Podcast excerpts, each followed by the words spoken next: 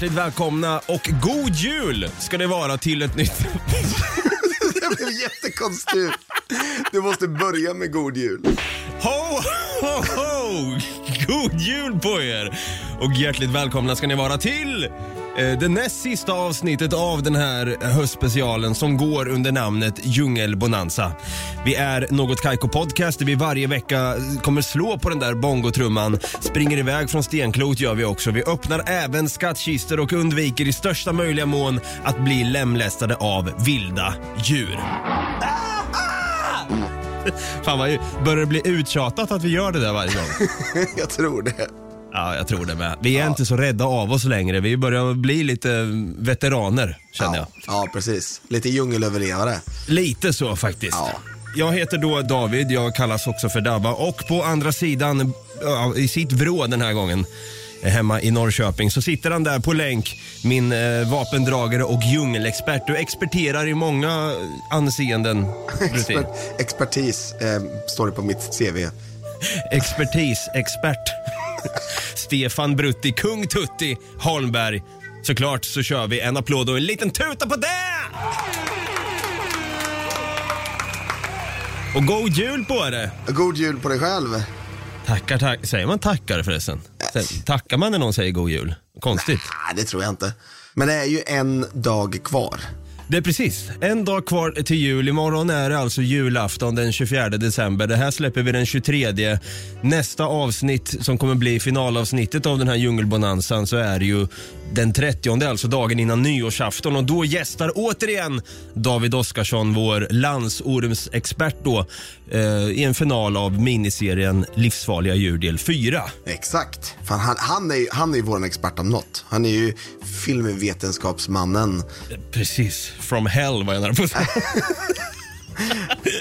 Nej men alltså det, det börjar bli lite små, små sentimentalt men än så länge känns det så här, ja men vi har två avsnitt kvar med det här då. Så det känns jäkligt bra. Men fan, vad, vad har du önskat dig i julklapp då? Covid-19-vaccin. Ja. är, är det lite kul för min, min kompis som frågade mig vad önskar du dig i födelsedagspresent? Då sa jag precis samma sak. Ett vaccin. Det verkar ju faktiskt som att jag kommer få min önskan dock. För det, de ska börja vaccinera den 27 vad jag har förstått det som. Ja, shit. Ja. Det börjar närma sig nu. Vi får hoppas att det inte går åt skogen med det. Att det blir en sån här svininfluensan eh, tjofräs av det hela. Ja, fast det gick väldigt fort att få fram det där svininfluensavaccinet. Jag tror det är därför.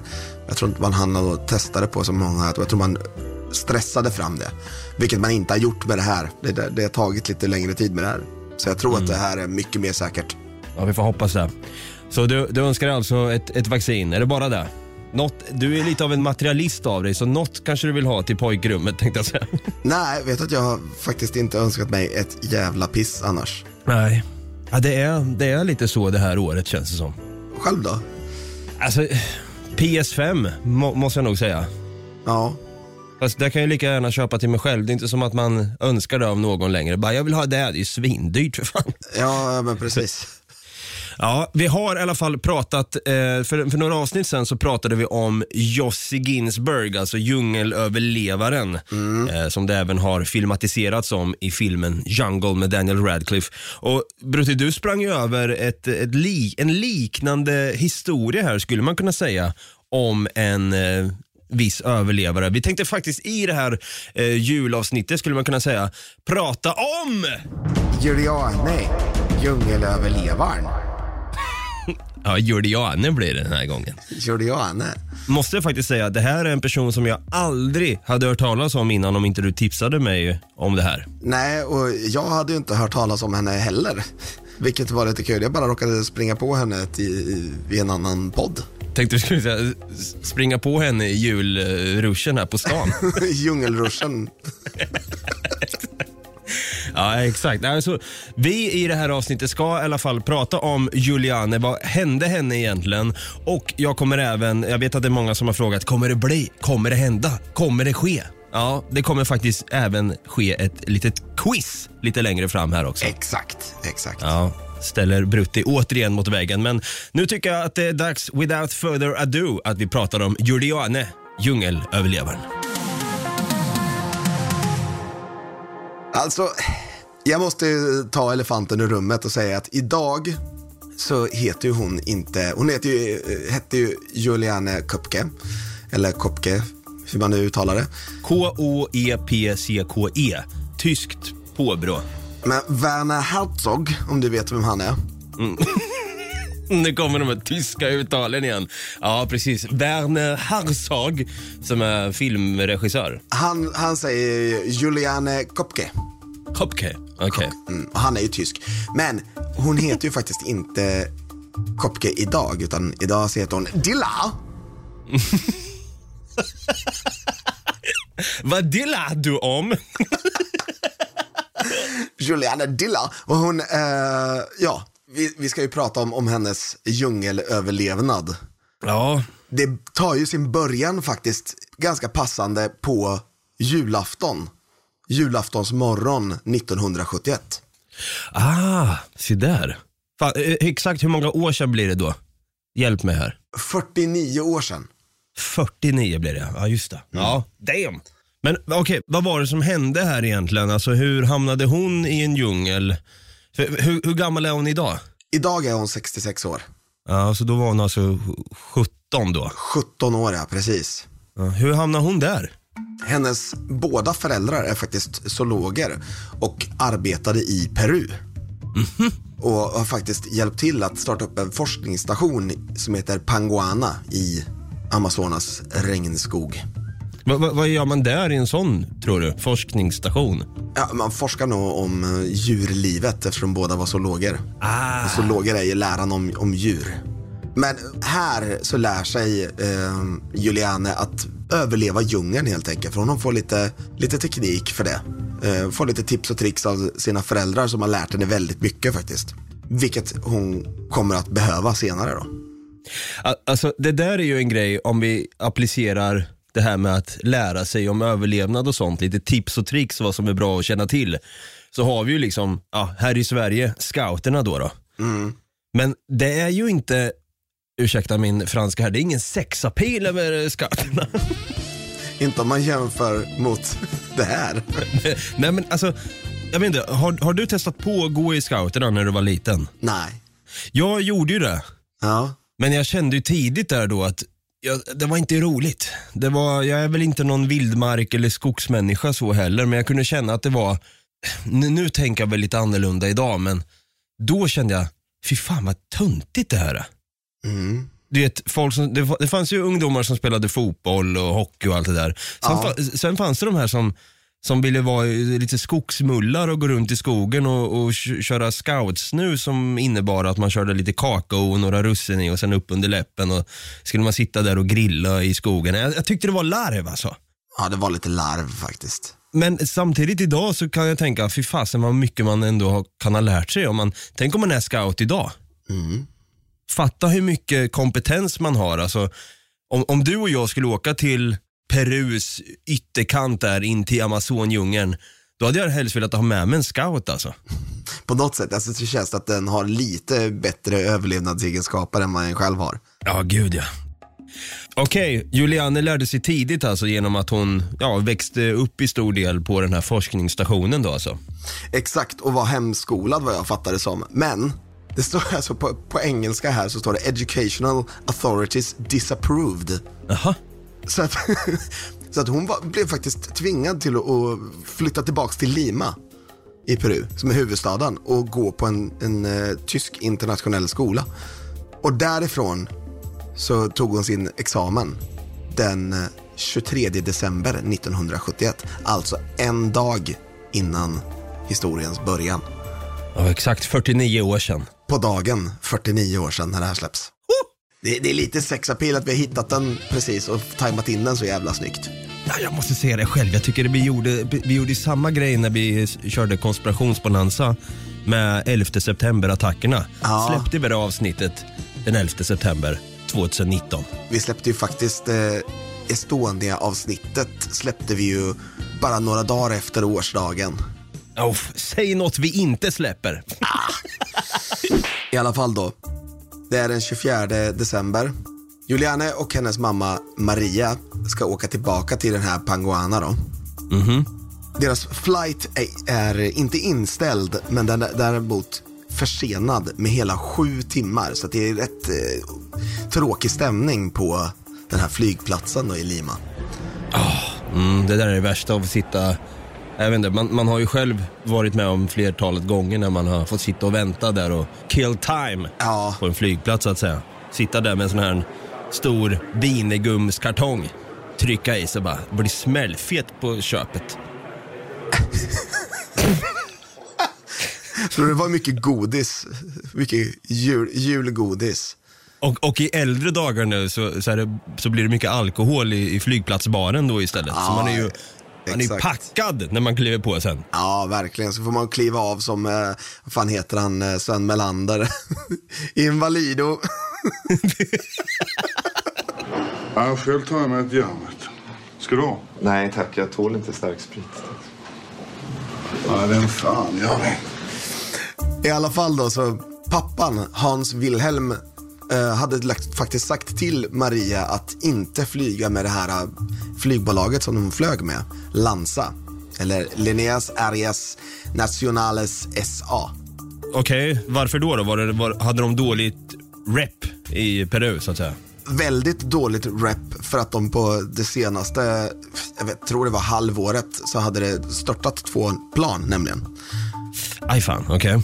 Därför att de hade köpt in Lockheed-plan, amerikanska Lockheed-plan, vilket inte var gjorda för att flyga i de väderförhållanden som faktiskt är i Peru. Det kan bli väldigt mycket kraftigare oväder Ja, än vad det kan bli hemma i USA. Så de är inte gjorda för att flyga igenom det här. Därför så tyckte Hans Wilhelm att de inte skulle flyga med Lanza. Men nu är det så att det var bara Lanza som flög just det här datumet. Ja, det var väl att det var ju juletider då. De ville väl åka och fira jul helt enkelt. Ja, och det var kraftigt oväder och därför hade de flesta ställt in. Det var många inställda flighter på grund av det här ovädret. Men Lanza tyckte att eftersom de hade så dåligt rykte så ville de ändå försöka skapa ett bra rykte. Ja. Gick ju sådär va? Ja, det här låter ju inte bra. Det låter ju som att det kommer gå käpprätt åt helvete för Juliane och Maria. Det kan man ju lugnt säga. Men det, den första halvtimmen av den här timmesflighten, den är ganska lugn. De startar, de får i sig lite mat, de har det lite gött, trevligt. Men sen helt plötsligt så flyger det här planet in i ett riktigt kraftigt oväder. Blixtar slår överallt, det, planet flyger upp och ner av all turbulens som blir. Oh, fy fan. Du vet, någon som inte var i, fastsatt som bara flög upp i taket. Eh, Oj, oj, oj. Och fy fan, det, där, det där är nog en av mina största fobier faktiskt. Jag, jag är inte direkt flygrädd av mig. Men det är självklart att man, har, man, är ju, man är så utelämnad då när man är så högt upp i luften och så, man har ju liksom bara hört den här, du vet, när man ska sätta sig ner och fasten your seatbelts då som de säger. Och så sätter man sig där och så känner man att det blir turbulens. Man bara känner så, åh för fan. Och så står någon lite halvnervös praoelev som är flygvärd just den dagen också. Och ska stå på en kn- knackig engelska bara Yes, we are uh, having some, står den personen då. Man, man blir ju inte trygg. turbulens. Turbulensa! Nej, så man, man, nej, det är jävligt obehagligt här faktiskt. Har du varit med om det förresten? Kraftig turbulens har jag varit med om, ja. Ja. Jag har alltid haft ett eko i huvudet kan man säga när, när det har kommit turbulens. Det är bara en mening som snurrar runt i skallen. Jag kan flyga, jag är inte rädd. Nej, Nej. turbulence has never brought down a plane. Fact. Ah, okej. Turbulens har aldrig orsakat en flygolycka då alltså? Nej, aldrig någonsin. Det känns som att det ska flyga och fara åt helvete, men just själva turbulensen får inte ner ett plan. Shit, okej. Ja, men det, det kan vara betryggande att veta det med tanke på att snart kanske man kan flyga igen som sagt. Kan, då, då kommer jag tänka på det där. Turbulence has never brought down a plane. Jag tänka då. En halvtimme in som sagt så börjar det komma en massa turbulens. Alla börjar, det är liksom eh, syrgasmaskerna kommer ner, det blir svart i hela planet. För Juliane sitter vid eh, fönstret hon tittar ut och så ser hon ett kraftigt sken och sen säger det bara pang. En blixt har slagit ner i ena motorn. Oh jäklar i gatan! Så säger det bara. Och sen så börjar det brinna. Planet är som sagt ett amerikanskt plan som inte är tillverkat för att flyga i de här väderförhållandena. Så det slits sönder. Vingen bara... plopp. Åh fy fan, jag får panik alltså. Jag får panik på riktigt. Hon sitter ju bredvid sin mamma. De håller i händerna. Det, här, det sista hon hör sin mamma säga är Det här är slutet. Nu dör vi. Åh herregud alltså. Juliane sitter längst in vid fönstret, mitten hennes mamma och längst ut så sitter en kraftigt överviktig peruvian. Mamman och den kraftigt överviktiga peruvianen försvinner. De sugs ut ur planet. Och tänka på att det här flyger 3,2 kilometer upp i luften när de flyger. Så hon tappar bort sin mamma. Och sen så hör hon bara liksom skrik och panik och sen så bara helt plötsligt så blir det tyst.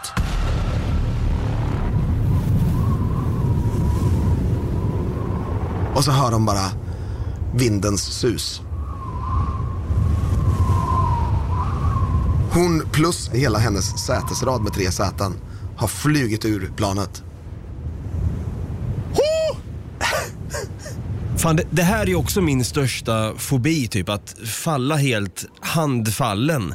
Så här, strapped i, i, i liksom en, en flygstol Ja, och, och bara liksom vara helt ute i det fria, i, i, i fria luften. Åh fy fan! hon öppnar sina ögon, inser att hon är upp och ner och flyger mot marken. Och hon har beskrivit med egna ord i en, eh, i en dokumentär då från 97 att regnskogen ser ut som broccoli därifrån hon var. Det var det jag läste med faktiskt. Att jag, det, det låter så här, tänk hon är 17 år gammal. Ja, Det är så jäkla mycket för hjärnan att ta in när du flyger helt handfallen då som sagt. Och så tittar du ner och så ser du en stor, stort grönt parti liksom som påminner, det, det, det är ju så, det påminner ju om broccoli ovanifrån. Så här Ja, tät precis. djungel. Att, att det är det första man tänker liksom, man bara, broccoli hörni. ja, Och tydligen den här flygstolen som hon satt i, den snurrade ju runt så jäkla mycket. Det blev ju liksom någon sån här eh, helikoptereffekt nästan. exakt. Och det plus den här eh, stormen då har fått tydligen varma kastvindar underifrån som troligtvis har slöt ner liksom själva fallet. Hon måste ju dessutom ha, eftersom det är ganska tät djungel, så måste ju den här stolen liksom, måste ju på något sätt ha fastnat i träd och lianer och grejer utan att hon har liksom riktigt fått någon stor, större gren eller större träd på sig liksom. Hon måste ju ha hamnat exakt rätt. Ja. För vi får alltså, inte det är- glömma, hon har faktiskt fallit i fritt fall med fastspänd i en sätesrad från ett flygplan. Mm. Tre kilometer upp i luften. Alltså det, det är helt jävla utan fallskärm och allting. Ja. Det är helt otroligt alltså. Fritt fall, tre kilometer. Och det här åskovädret som de åkte in i har ju rubricerats som det värsta åskvädret i flyghistoria. Och det här tyckte Lansa-piloterna att vi flyger rakt igenom. Ja. Bra där, bra. Bra där! Ja, Ingen applåd och en tut. nej, nej, nej.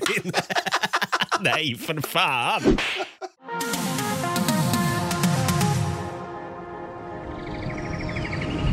Hon vaknar ju upp dagen efter också. Hon säger att hon minns liksom att hon föll neråt och sen var det blackout och sen vaknade hon upp dagen efter. Senare har hon dock lyckats komma på att hon har nog faktiskt varit halvt vid medvetande ett par gånger. Till exempel att hon en gång, för hon vaknar upp på marken nämligen eh, dagen efter och hon har något väldigt svagt minne av att hon har tagit loss bältet och ramlat ner. Åh fy fasen. Alltså, ska vi gå igenom hennes skador?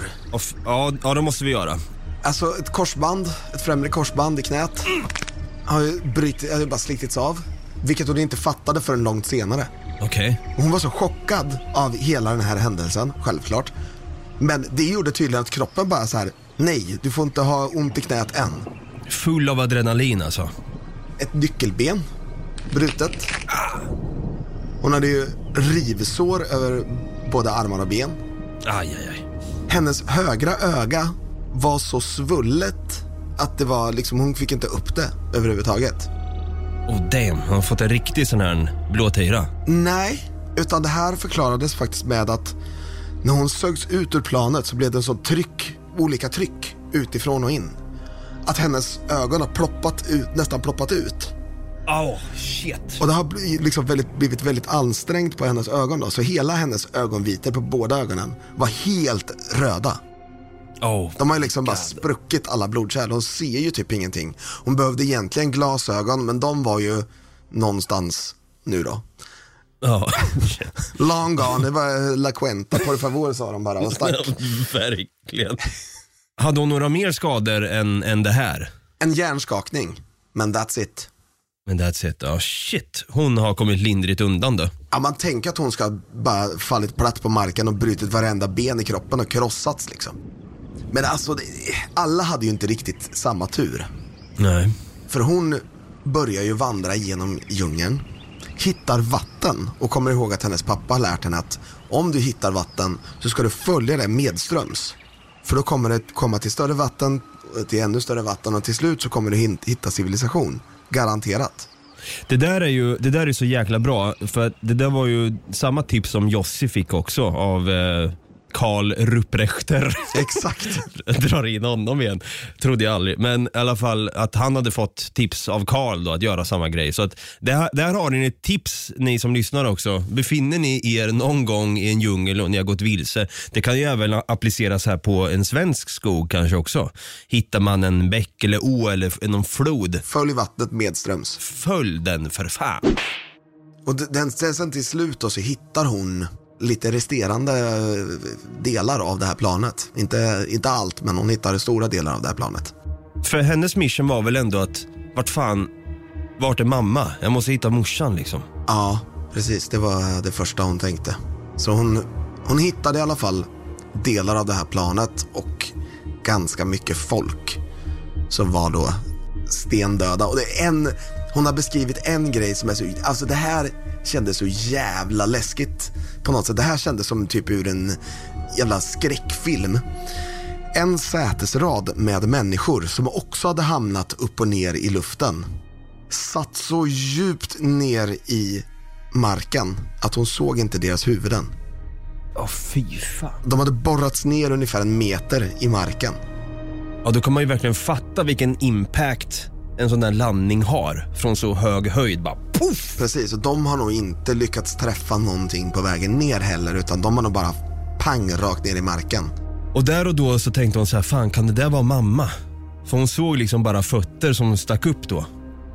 Så hon tog en pinne och började liksom så här få bort massa löv och grejer liksom. Ja, just det. Som täckte de här fötterna men hon kunde ju se att det var människofötter. Och då, hon bara fick sån här magkänsla, fan det, det är min mamma som ligger här under. Men då såg hon på ena foten från en kvinna då, att det var nagellack på tånaglarna. Och det brukar hennes mamma aldrig ha. Nej, Så då kunde hon släppa den tanken att okej, okay, det var inte morsan som satt där liksom. nej just det. Ja, i de här vrakdelarna så hon, lyckas hon hitta lite godis i alla fall. Vilket är hennes enda mat de närmaste dagarna här. Men det, det är jäkligt bra ändå, alltså godis, fy fasen vad, det, vad man får energi av det. I sådana här, i såna här lägen. Perfekt ändå. Ja, verkligen. Hon fortsätter i alla fall då vandra längs vattnet. Men hon hade en så jävla störteknik som tog så lång tid i och för sig. Men det, blev, det gick så bra för henne på grund av det här. För det finns ju som sagt vissa ormar som är väldigt kamouflerade i djungeln som bara är extremt giftiga. Till exempel landsormen. Ja, som vi pratade om i Livsfarliga djur del 1. Alltså man vet ju inte när man kan kliva på ett sånt litet as. Exakt. Så det hon gör, det är att hon har, hon har ju tappat sin ena sandal. Men den andra har hon på sig, så den tar hon av sig. Och börjar kasta den lite framåt, lite framför sig. Ah, nästan som att man röjer efter miner typ. Ja men exakt. Fast hon bara så här. Tänker att om det är någon landsorms så kommer den attackera min sandal istället. Så hon kastar ut den. Och så, tar hon så här, äh fan det här tar sån jävla tid. Så hon går ut i vattnet Och så tänker man så här, ja fast Men vänta, vänta, vänta, men där finns ju för fan krokodiler och annat tjofräs, anakonder och allting eller? absolut. Men vad fan, Även okej. pirajor. Nej, Jo, hon har lärt sig dessutom så här då. Pirajorna, de vill inte vara mitt i floden, utan de vill vara lite på strandbanken, för där är det lättare för dem. För det är så jävla strömt i, just i mitten. Så det är, på ett sätt är det farligare för henne, för att hon, hon har större risk för att ramla. Halka på stenar och grejer om hon går i mitten, för där är det mer strömt. Men hon löper ju ingen risk för att bli biten av en piraya heller. Och dessutom så är pirajer inte, hon har lär, fått lära sig att pirajor inte gillar människa så jättemycket ändå. ja, precis som vi pratade med David om, att det är sällan att de oprovocerat attackerar människor. Exakt. Men krokodilerna då? Det här är så sjukt. Hon mötte ju faktiskt eh, krokodiler på båda sidorna om floden. Vad gör de då? Jo, de hoppar ju ner i vattnet och försvinner under vattnet. Oh fy fan, oh, nu, nu kommer den här paniken igen Brutti. Jag får panik. Vad hade du gjort? Om jag, hur högt är vattnet? Är det ända upp till liksom... Knähöjd. Till bröst? Knähöjd?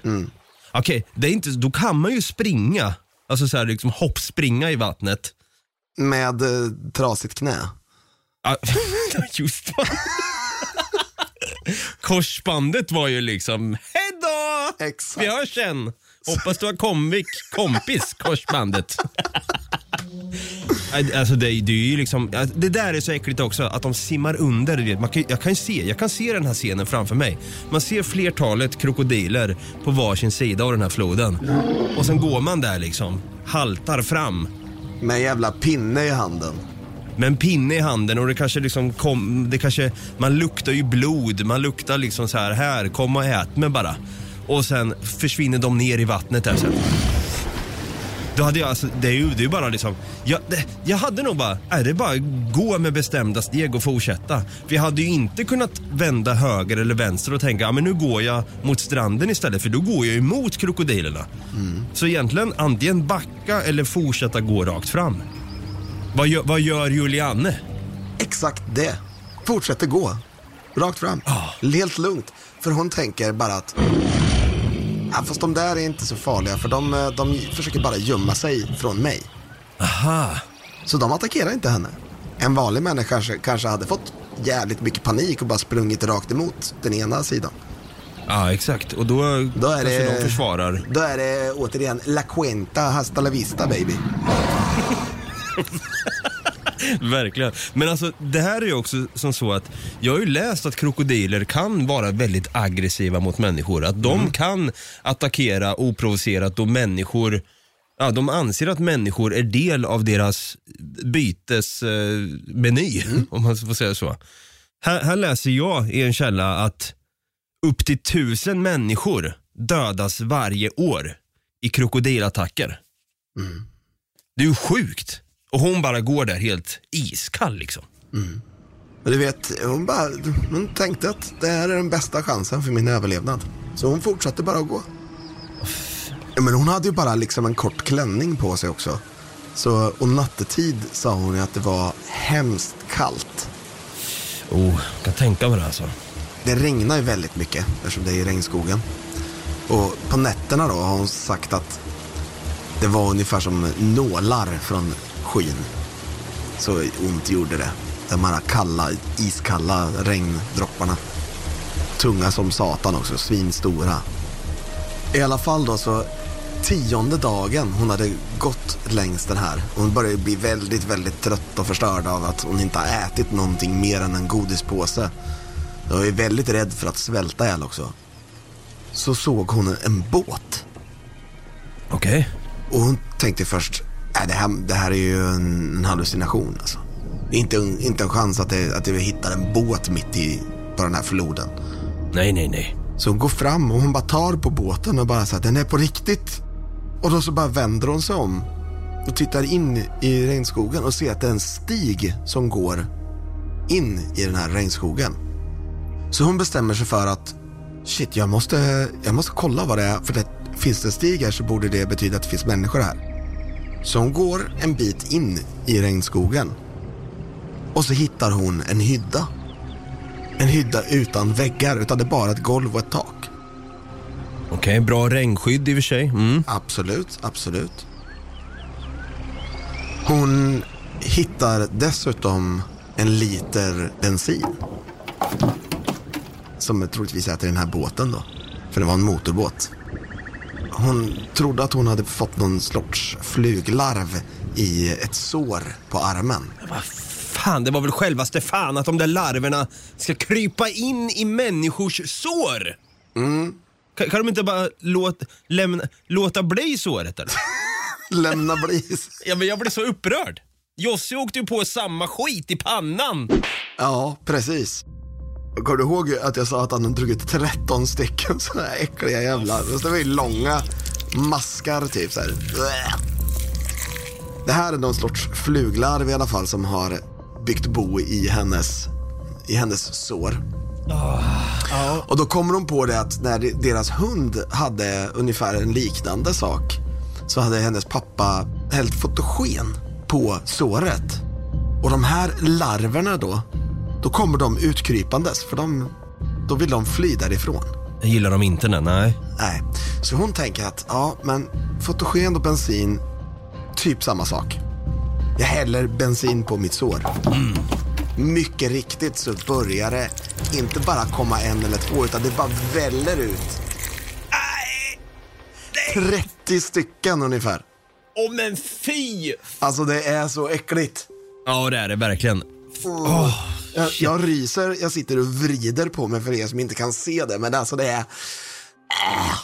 Men alltså det här med att hon, för hon hade ju en extrem smärta också. Hon, hon, det, det är ju inte bara som att ah, jag häller bensin här nu bara för att liksom, det ska eh, läka och rensa såret ordentligt. Utan hon hade ju fullständig panik för att hon hade ju ont för att de här maskarna liksom åt ju i hennes kött och grävde sig djupare och djupare in i hennes skinn. Exakt. Så det var inte så jävla mycket att göra åt. Det bara på med bensin bara och hoppas på det bästa. Ja. Och 30 larver bara puff. 30 larver som hon kan eh, liksom dra ut. Och hon, hon berättade att hon var, kände sig väldigt stolt över sig själv då när hon hade fått ut de här 30 stycken. Och hon fick inte ut alla. Nej. Hon berättade att de, de hade dragit ut fler sen. Åh men fy fan alltså. Ja. Eh, men hon bestämde sig i alla fall för att spendera natten där. Nästa dag när hon vaknar så hör hon röster. Okej. Inte bara röster i hennes huvud alltså, utan det här var, det här var faktiskt röster från riktiga människor som kom dit. Som eh, hon har beskrivit att det var som att höra änglaröster. Jag kan tänka mig det här. Så fy fan vilken lättnad. Tio dagar in i en ensam i djungeln liksom. Ja, shit alltså. Däremot så blev de här äh, tre männen som kom, de här peruvianerna, blev ju chockade och livrädda för henne. Det var tydligen så finns det någon jävla lokal legend om någon hybrid om, av delfin och blondin. Okej, just det. Hon var ju blond hon, ja. hon var ju faktiskt blond, så de var så här, "Ah." Es el diablo, el diablo! någon, någon så här vattengudinna typ. Men eftersom hon var uppväxt i Peru så pratade hon ju spanska så hon kunde förklara vad som hade hänt, vem hon var. De hade faktiskt hört talas om den här kraschen eftersom det hade gått tio dagar. Just det. Det, det var det är helt sjukt ändå. Faktiskt. Så de här tre männen bestämde sig för att de kunde inte ta henne med den dagen utan hon, hon, hon behövde få i sig mat och repa sig lite grann innan de kunde, vågade flytta på henne. Så de spenderade faktiskt ännu en till natt på det här stället. Sen åkte de till civilisation där hon fick komma till sjukhus. Dagen efter det så kommer hennes pappa dit och hon kan typ inte prata, han kan inte prata. Så att de bara höll om varandra. Ja, shit alltså. Fan vad fint ändå att höra att hon, hon hittade hem igen. Vilket jäkla mindset hon, hon måste ha haft. Och ett extra stort eh, tack är ju till föräldrarna som faktiskt lärde upp henne hur hon skulle göra i sådana här situationer. Ja, verkligen. Och vad hände hennes mamma då? Hennes mamma, alltså det här, det här är ju nästan ännu sjukare. De hittade hennes mamma den 12 januari. Det är alltså ett par veckor efter själva kraschen.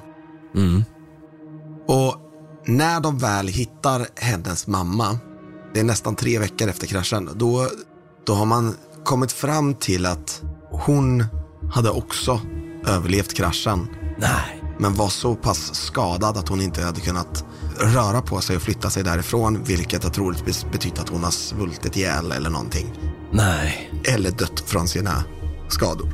Nej, fy fan. Så hon har legat där i flera dagar utan att kunna göra någonting. Usch, vad hemskt. Det är ingenting som säger att hon var vid medvetande dock. Det kan ju vara så att hon har legat i någon slags koma. Men eh, fattar du om man bara vaknar upp och bara inser att jag är fucked. Och bara måste vänta ut de sista dagarna i livet. Nej, fy fan. Ja, vilka jävla, jävla heroes ändå. Vilken hero Juliana är också. Att hon, hennes mål var att försöka hitta sin mamma för att, nej, det är så jävla stark historia det här. Så att jag är, jag är tagen och fascinerad. Det är, det är mycket känslor idag faktiskt. Verkligen. Hon är, hon är, det är jävligt cool eh, tjej det här. Ja, och, och den, här, den här historien på ett sätt berör mig lite. Eh, Nu ska man inte jämföra eh, andras öden, men det känns ändå som att den, jag blir mer berörd av Julianes historia här om hennes djungelöverlevnad än Jossi. För Jossi, han valde ju själv att gå in i djungeln. Juliane hamnar i djungeln ofrivilligt. Ja, hon var ju faktiskt på väg till djungeln, men inte på det sättet. Nej men exakt. Så d- på ett sätt blir det att hon måste ju koppla på och bara shit, vad fan gör jag nu? Och det kändes som att, ja, det, jag vet inte, det är någonting som får mig att, det, det är så tragiskt också det här med mamman och allting. Och, Saken är det att Jussi hade ju ändå lite verktyg för att överleva. Han hade ju liksom en ficklampa och en, någon kniv och lite sådär. Juliane hade ju ingenting. nej, Hon hittade en pinne, en stödpinne att gå med. Hon hade en sandal, hon hade inte ens skor liksom. Hon hade inte ens varma kläder, hon hade en, någon kort klänning. nej shit. Historien om Juliane Kopke går fan i mig till historien. Ja, verkligen. Men den som vill veta mer om Juliane Kopke, har du några tips på vart de kan hitta dig i så fall? Absolut. Eh, Så, som jag sa förut också, att det finns en dokumentär från 1998 av Werner Herzog. Ja. Det är en, film, en dokumentärfilm om just den här hela händelsen som heter Wings of Hope. Och där, den är ganska speciell den här därför att det här är ju 27 år efter att hon har överlevt den här kraschen.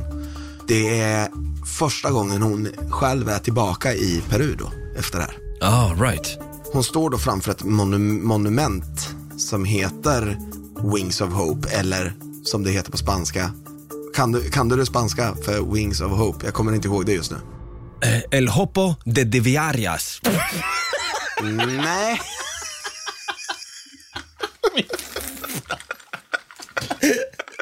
Ja, det var det sämsta jag sagt. Ja.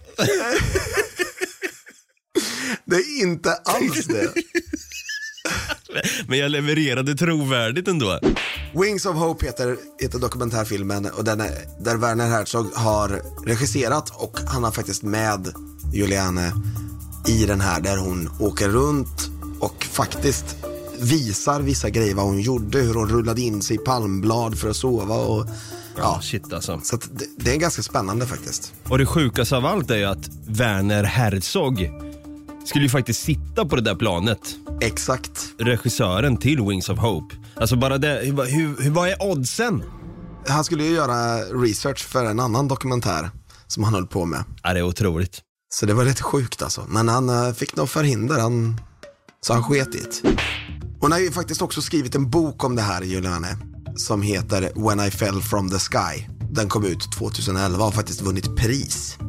Och idag eh, så arbetar hon faktiskt, eh, hon är ju utbildad zoolog också, men idag så arbetar hon som bibliotekarie i München tror jag är. Ja shit, vilken, vilken gripande story. Tack som fan för, för det här Brutte. Det var jätteintressant att höra hur fan eh, Juliane Kopke överlevde de här 11 dagarna i Amazonasdjungeln. Ja, det är helt sjukt alltså. Ja, En, en applåd och en tuta till, till Juliane. Alltså. Jag tycker...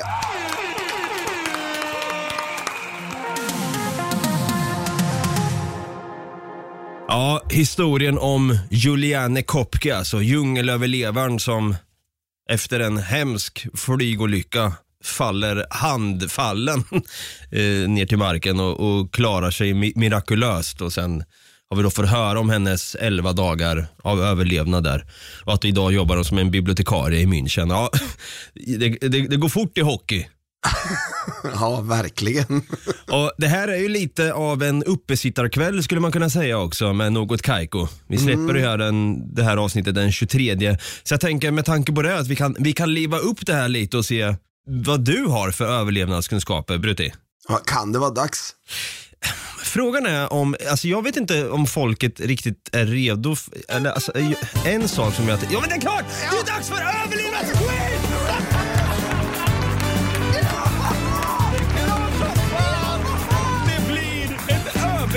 Överlevnadsquiz! Det är det sjukaste jag varit med om i hela mitt liv. Det är otroligt. Det är magnifikt där. Det är klart som fasen att något Kaiko kommer att leverera ett överlevnadsquiz i det här avsnittet. För fan. Ja, ni som har hängt med den här bonanzan vet ju att vi kan ibland glida in på lite olika quizar, quizzer av olika slag. Så jag tänker att vi, vi drar igång med ett överlevnadsquiz där jag då har fem stycken frågor till dig Brutti. Ja. Och får vi se om du vet vad, du skulle, vad man ska göra ifall man Ja, det är inte bara djungelöverlevnad här vi pratar utan det är överlevnad generellt då också. ja. Då kommer fråga nummer ett här i överlevnadsquizet. Kom igen då. Ge mig frågan då. Kom igen då. Vad är den gamla tumregeln för hur länge en människa kan överleva oberoende av omgivning då? Är det A. Tre minuter utan luft, tre dagar utan vatten och tre veckor utan mat? Eller B. Fyra minuter utan luft, fyra dagar utan vatten och fyra veckor utan mat? Eller C. Fem minuter utan luft, fem dagar utan vatten och fem veckor utan mat?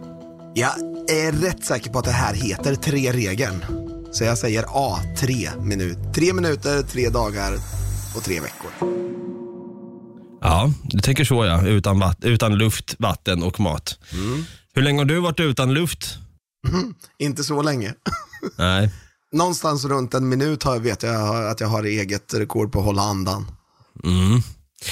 Men du säger i alla fall A på den och eh, ja, tretumsregeln hade ju du koll på för det är ju rätt!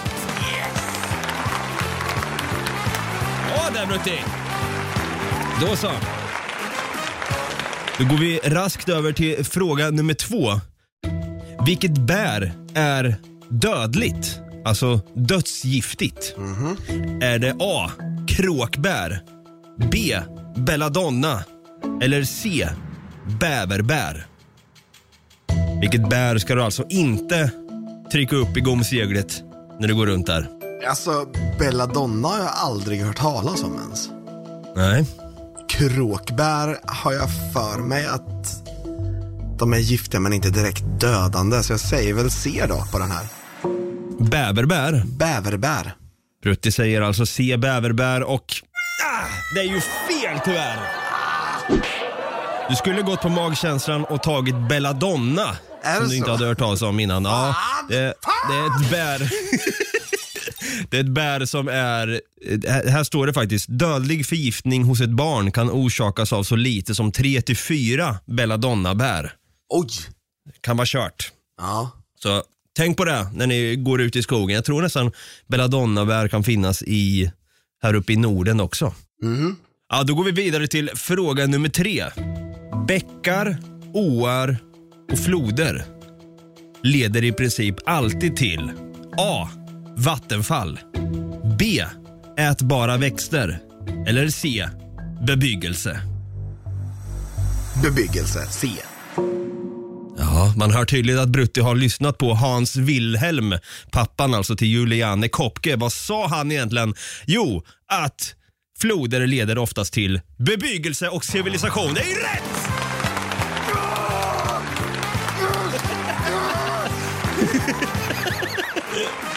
Fan, det är lite kul att, det där, att du kom in och sa det om Hans Wilhelm, vad han hade sagt. Då tänkte jag så här, fan nu kommer ju han veta svaret på fråga nummer tre. Helvete! Ja, Vi går över till fråga fyra. Yes. Vilket vatten ska du helst undvika att dricka? Är det A. Glaciärvatten, B. Bäckvatten eller C. Sjövatten? Oh. Alltså, i Sverige kan man ju nästan alltid dricka bäckvatten. Sjövatten, eh, alla har väl fått en kallsup när man simmat någon gång, tänker jag. Så glaciärvatten säger jag. A.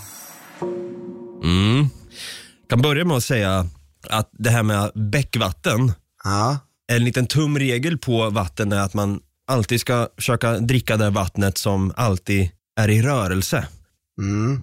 Och det är ju oftast i, i bäckar då, då eller i floder eller åar eller vad det kan vara. Sjövatten som du säger, kan ju, man kan ju få en kallsup av det men det är inte direkt dödligt. Jag tror man kan, för om man är i akut eh, vattenbrist så tror jag man kan dricka några centiliter av sjövatten bara för att stilla, stilla liksom törsten så. Men det man inte ska dricka, det är just, precis som du säger, det är ju glaciärvatten!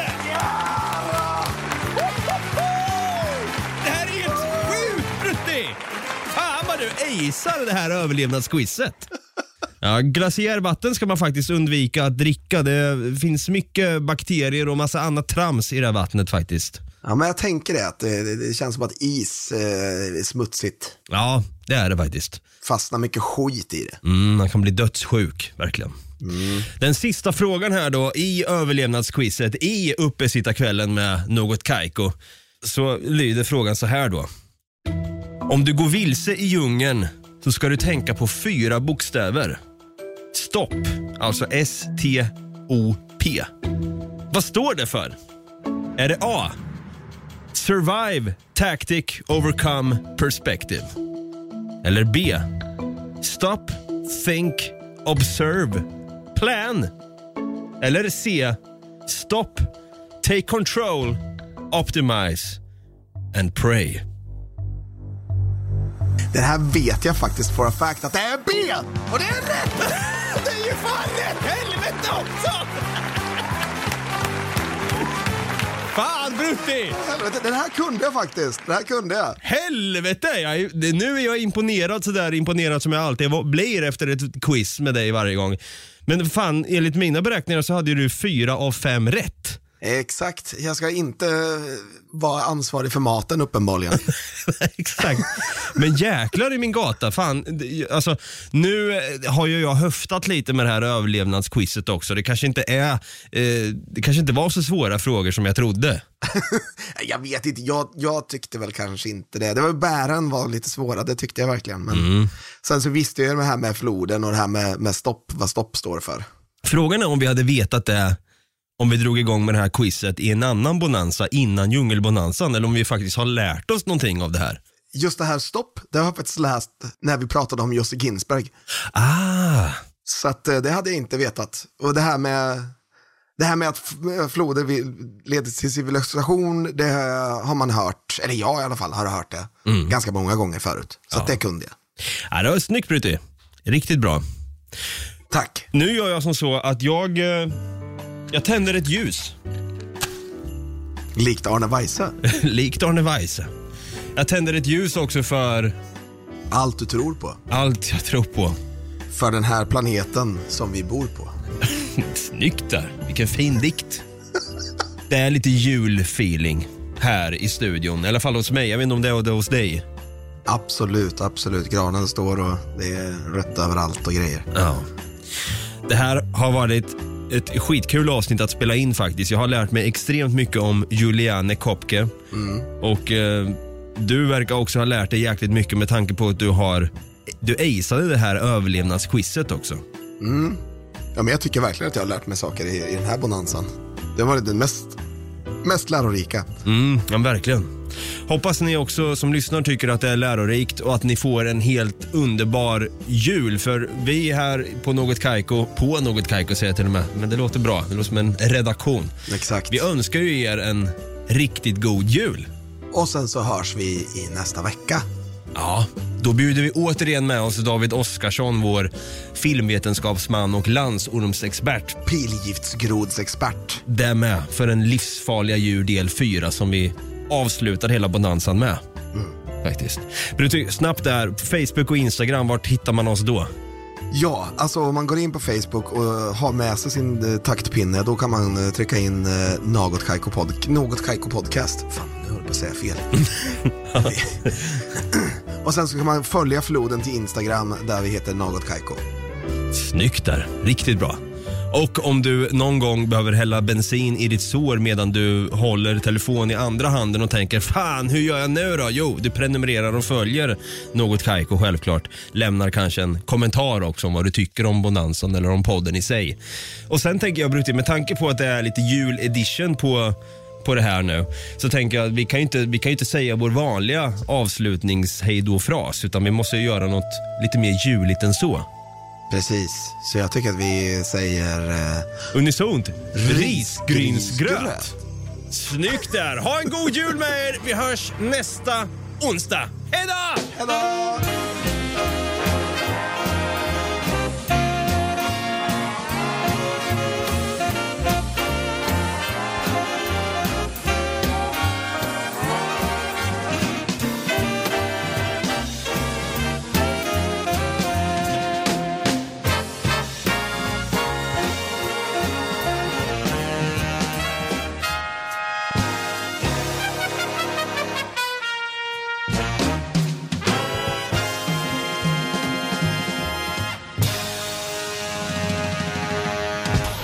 Produceras av I Like Radio.